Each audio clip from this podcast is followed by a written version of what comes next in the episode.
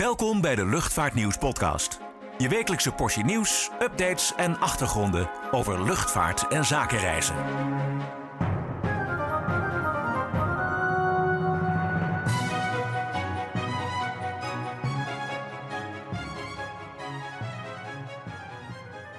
Welkom bij alweer de tweede aflevering van de Luchtvaartnieuws podcast. Mijn naam is Klaas-Jan van Woerkom en aan de andere kant van de virtuele redactie zit mijn collega Niek Vernooy. We beginnen vandaag even met Amerika. Uh, als u dit luistert, is daar misschien een nieuwe burgeroorlog uitgebroken, maar op dit moment is het nog wachten of Joe Biden de nieuwe president wordt of dat Trump in het Witte Huis blijft zitten. We gaan ons niet mengen in de politieke discussie, maar uh, hebben beide heren eigenlijk iets over luchtvaart in hun verkiezingsprogramma opgenomen? Nou ja, eigenlijk uh, niet echt veel. Uh, Biden uh, heeft wel over luchtvaart opgenomen dat hij de ontwikkeling van duurzame brandstoffen wil bevorderen, waaronder ook die van de luchtvaart. en Trump heeft eigenlijk gewoon verwezen naar zijn programma van vier jaar geleden. wat dat betreft is dus weinig nieuws aan de zon. Ja, en hoe, hoe heeft de Amerikaanse luchtvaart zich eigenlijk onder Trump ontwikkeld? Uh, nou ja, het was natuurlijk jaren van hele hoge economische groei. En dat is ook de luchtvaart ten goede gekomen. Het waren echt uh, geweldige jaren voor de luchtvaart. Of dat, in hoeverre dat aan Trump te danken is, is natuurlijk de vraag. Maar uh, tot aan de coronacrisis ja, boekte de luchtvaartmaatschappij in de Verenigde Staten recordwinsten. daar is natuurlijk ja, in één keer een eind aan gekomen bij de start van de coronacrisis.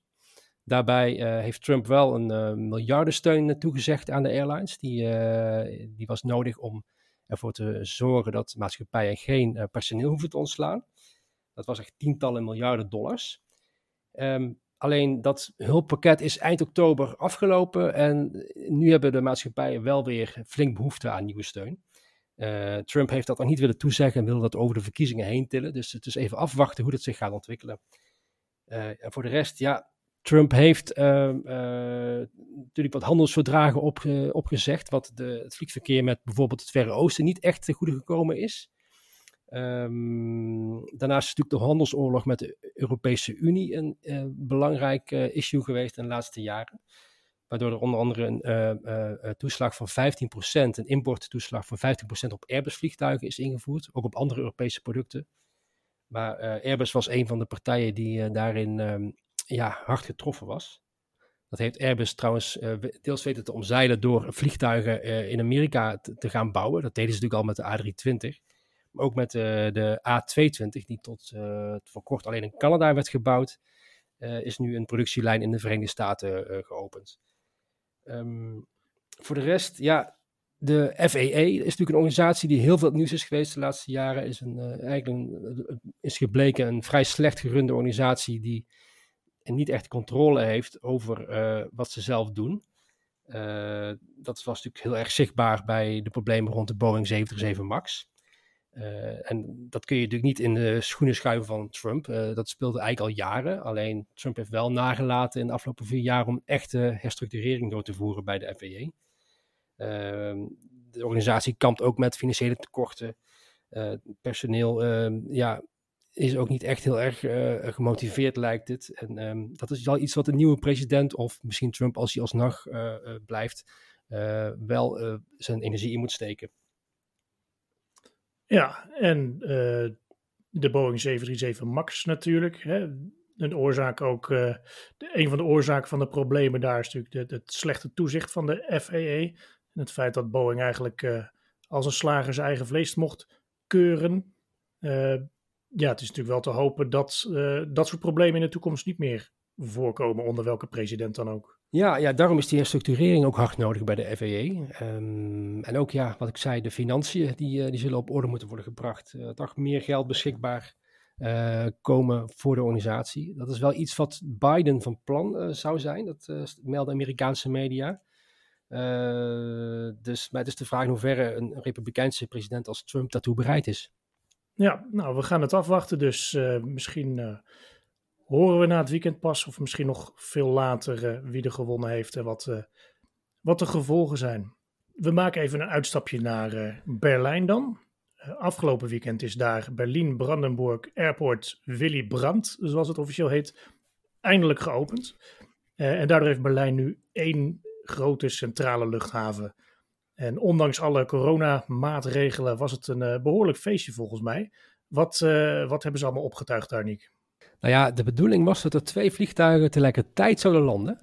Ze hebben daar twee parallele banen. Um, een toestel van EasyJet en van Lufthansa. Allebei uh, gloednieuwe Airbus A320 NEO's. Uh, dat was natuurlijk heel mooi geweest, alleen slecht weer goede route, gooide route in het eten. En uh, ze moesten vlak na elkaar landen. Waarbij de EasyJet als eerste vliegtuig officieel op de nieuwe luchthaven landde. En daarmee is Berlin-Schöneveld ook officieel opgenomen in Berlin-Brandenburg Airport. Ja, en op zich, het heeft heel erg lang geduurd voordat uh, de nieuwe luchthaven er kwam. Het is echt een uh, hele soap geworden? Ja, dat kun je wel zeggen. Hij zou eigenlijk in 2011 uh, eh, open gaan. Maar door een combinatie van allerlei problemen, van constructie en brandveiligheidsfouten tot wanbeleid en, en zelfs corruptie, moest die, die opening keer op keer worden uitgesteld. Ehm, ik ben er zelf in 2012 geweest, dat is eigenlijk een, een jaar na de oorspronkelijk geplande opening toen was de planning van nou, binnen een paar maanden gaan we wel open. Maar uh, ja, het heeft toen nog acht jaar geduurd voordat de luchthaven daadwerkelijk de deuren kon openen. En het is gewoon heel vreemd, want toen lag het er al bij alsof het op het punt stond om geopend te worden. Alles lag er piekfijn bij, van buitenaf tenminste. In werkelijkheid was het uh, uh, binnen in het gebouw nog één grote bende. Ja, en Duitsland heeft natuurlijk Frankfurt en München hè, als, als grote hubs. En uh, verder heb je ook Düsseldorf Airport als een grote luchthaven. Waarom was het dan nodig dat er nu ook nog bij Berlijn een hele grote luchthaven kwam? Nou ja, Berlijn is natuurlijk de hoofdstad van Duitsland. En uh, de, de stad uh, had nog twee luchthavens die eigenlijk zwaar verouderd waren. Schöneveld, dus de oude DDR-luchthaven. De terminal stamt zelfs nog uit die tijd. En hetzelfde geldt voor Tegel, de oude luchthaven van West-Berlijn. Ook die, uh, ja, die luchthaven die was gewoon verouderd. De terminal was te klein. En ook de plek om uit te breiden was er op die plek niet. Uh, dat was er bij Schöneveld wel. Uh, Berlijn-Brandenburg is eigenlijk tegen het oude Schöneveld aangebouwd. En op die manier heeft Berlijn eigenlijk, zeg maar, eindelijk die, die ja, luchthaven van de statuur die een hoofdstad zou verdienen, eindelijk hebben ze dat kunnen realiseren. Ja, en Schöneveld is dus, zoals je zei, uh, opgenomen als het ware in Brandenburg Airport. Hè. De, de, oude terminal heet nu Terminal 5 van, van de nieuwe luchthaven. Hoe, hoe lang blijft het uh, Tegel nog open? Tegel gaat dit weekend uh, dicht. De laatste vluchten vinden op zondag 8 november plaats. Nou, meer over Berlin-Brandenburg Airport kun je lezen in de november-editie van Luchtvaartnieuws Magazine. Word nu abonnee en ontvang 12 keer per jaar het Luchtvaartnieuws magazine. En onbeperkt toegang tot nieuws en achtergronden op luchtvaartnieuws.nl en zakenreisnieuws.nl. Ga voor meer informatie naar luchtvaartnieuws.nl/slash abonneren. Er moeten luchtcorridors worden opgezet om zakelijke reizen tijdens de coronacrisis mogelijk te maken. Dat vindt althans Kees Klinkenberg, directeur van zakenreisorganisatie Uniglobe. Kees, hoe is de situatie op dit moment in de zakenreiswereld? Nou, de situatie in de zakenreiswereld is nou niet bepaald uh, rooskleurig, uh, maar dat was eigenlijk al een beetje bekend. Uh, wij zien bij, bij Uniglobe zien we natuurlijk ook de gevolgen van, van COVID-19, de impact die dat heeft op onze omzet, wij zien nu zo'n beetje dat wij uh, zo'n zo procent of 70 uh, eh, achterlopen op uh, vorig jaar.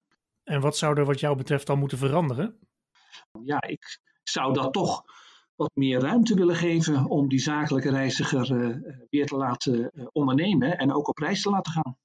Hoe doen ze dat elders op de wereld eigenlijk? Ik kijk even ook naar wat er bijvoorbeeld in Azië gebeurt. Je ziet in, in Azië, daar, daar is de coronacrisis kennelijk al wat, wat te doorlopen. En wat je daar ziet is uh, tussen, tussen landen zie je toch dat zij uh, luchtcorridors hebben of bubbels creëren om reizen, zakenreizen ook mogelijk te maken, zonder dat daar een quarantaine maatregel ligt. En dat doen ze toch door met een sneltest om te kijken of je positief dan wel negatief bent, om die sneltest toe te passen. En uh, nou, als dat natuurlijk een, een, een veilige en uh, kwalitatief goede uh, en erkende sneltest is en betrouwbaar, ja, dan, dan met een hele snelle uitslag, dan zou je kunnen denken dat wij, kijkend naar, naar Azië, dat wij dat ook in Europa zouden kunnen gaan toepassen.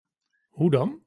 Je zou bijvoorbeeld op de luchthaven Schiphol een testfaciliteit echt moeten hebben die uh, vertrekkende passagiers uh, test. dus niet ergens buiten Schiphol, maar gewoon echt op de luchthaven. Op de dag van vertrek of kort voor vertrek. En mensen test directe uitslag. Heb je een positieve uitslag, dan vlieg je niet. Dus dan ja, moet je wel de mogelijkheid hebben om kosteloos te annuleren en te wijzigen in die situatie. Ja, en, en ben je negatief, dan kan je op reis. En vervolgens moet je wel uh, afspreken met de ontvangende landen of steden of luchthavens, dat je dan ontheffing krijgt voor, uh, voor, uh, voor je quarantaine. Waarom is het überhaupt dan eigenlijk nog belangrijk om op zakenreis te gaan? Uiteindelijk, als je een contract wil binnenhalen of je wil echt een nieuwe business starten in het buitenland, dan, dan moet je aan tafel zitten. Dus dan, dan, dan heb je een voorsprong op, op de rest. En uh, los nog van de kwaliteit van videoconferencing. Nou, kortom, overheid, als u meeluistert, pak de handschoen op en kom met die reizenbubbel. Goed, we reizen even terug naar Schiphol. Um, want daar was deze week de Emirates Airbus A380 weer even terug. Heb jij die ook gezien, Nick? Ja, um, hij was er voor een, uh, voor een vrachtvlucht, begreep ik. Ja, we hadden het even gecheckt, maar uh, helaas nog niet op de passagiersdiensten maar uh, incidenteel voor twee vrachtvluchten. Het is ook wel te zien, als je nu kijkt hè, op, uh, op Flight Radar bijvoorbeeld, hoeveel A380's er nog vliegen. Het zijn er heel erg weinig. Uh, de meeste van Emirates op korte, relatief korte hopjes naar Amman en naar Cairo. En verder ook naar Groot-Brittannië nog. Maar het worden er steeds minder. Op Schiphol hebben we volgens mij alleen nog China Southern, die in elk geval vandaag ook passagiersvluchten met dat type uitvoert. Maar het, het wordt echt een zeldzaamheid, hè, de A380. Ja, ja, volgens mij doet China Southern elke week uh, nog een eh, vlucht uh, naar Guangzhou met de A380. Maar inderdaad, het, het wordt steeds minder. Um, tenminste, in deze periode. Het is natuurlijk afwachten hoe dat straks zal zijn. Um, hopelijk komen er straks weer meer A380's in dienst. Ja, want High Fly uit Portugal, die heeft één A380 een, een oud exemplaar. Uh, nummer 6 is het constructienummer. Die hebben ze ooit uh, overgenomen van Singapore Airlines. Maar ze hebben ook aangekondigd om deze week, of niet om deze week, ze hebben aangekondigd om eind dit jaar, als het leasecontract afloopt, te stoppen met A380 vluchten. Toch iets te grote capaciteit. Wat, wat wel opviel, dat er nu ook een een British Airways toestel op weg is van uh, Châteauroux Airport in Frankrijk, waar uh, ze bijna allemaal gestald stonden, weer naar Londen. Zouden ze het weer gaan proberen bij eh, BA, denk je? Ja, BA heeft niet aangegeven dat ze gaan stoppen met de A380 tot nu toe, in tegenstelling tot de 747 natuurlijk. Maar ik denk dat, dat BA straks die A380 capaciteit hard nodig heeft als het vliegverkeer weer aantrekt. En op het overvolle Heathrow, tenminste tegen die tijd weer, uh, is de A380 wel, uh, ja, wel een heel erg welkom uh, toestel gezien de capaciteit. Ja, precies. Nou, who knows. We houden het allemaal in de gaten. over, over tollige toestellen gesproken. Thai Airways. als je een eigen luchtvaartmaatschappij zou willen beginnen, dan kun je daar volgens mij heel, heel goed aankloppen. want een aanzienlijk deel van de vloot van Thai staat in de etalage. Uh, wat, uh, wat kunnen we allemaal kopen en wat, uh, wat kost zoiets? Nou ja, ze hebben 31 vliegtuigen in de, in de verkoop gezet. Ik, ik, tel ze even, ik noem ze even op. Het zijn 9 A340's, 10 Boeing 747's en 12 Boeing 777's. En een A300 er nog bij, zag ik. Dat is toch een hele oude. En dat ze daar überhaupt nog mee vlogen is wel apart. Ja, precies. Meestal zijn dat vrachtkisten. Waarom, waarom houdt Thai eigenlijk die grote uitverkoop? Nou ja, ze zijn bezig met een uh, grote herstructurering. Zoals al meer luchtvaartmaatschappijen. Maar Thai uh, moest echt hard nodig uh, orde op zaken stellen.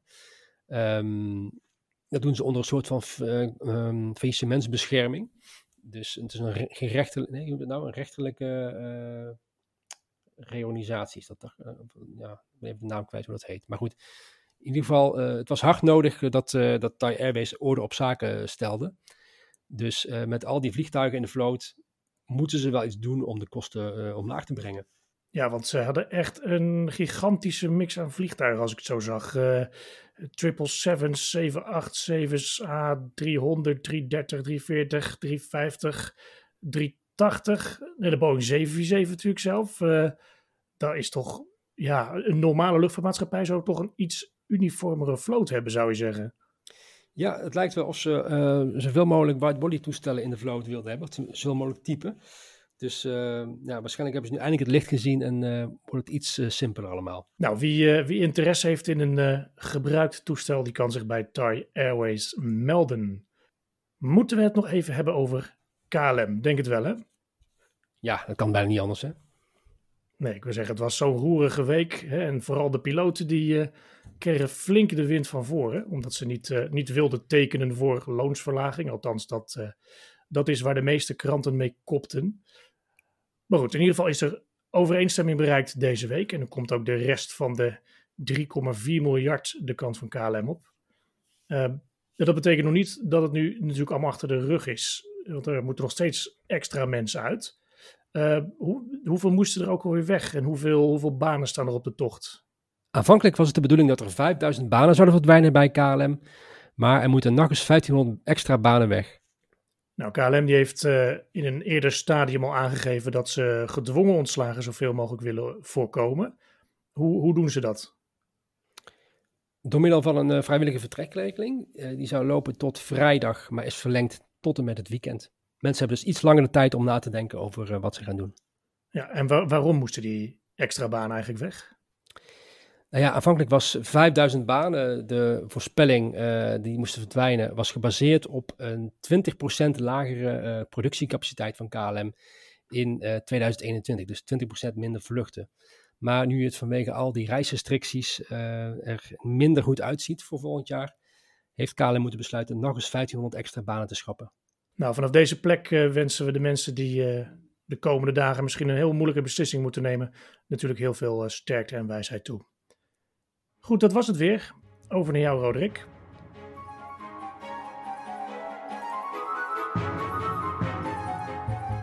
Bedankt voor het luisteren naar de Luchtvaartnieuws podcast. Voor opmerkingen, vragen of suggesties, mail ons redactie@luchtvaartnieuws.nl. Een fijne dag en graag tot de volgende podcast.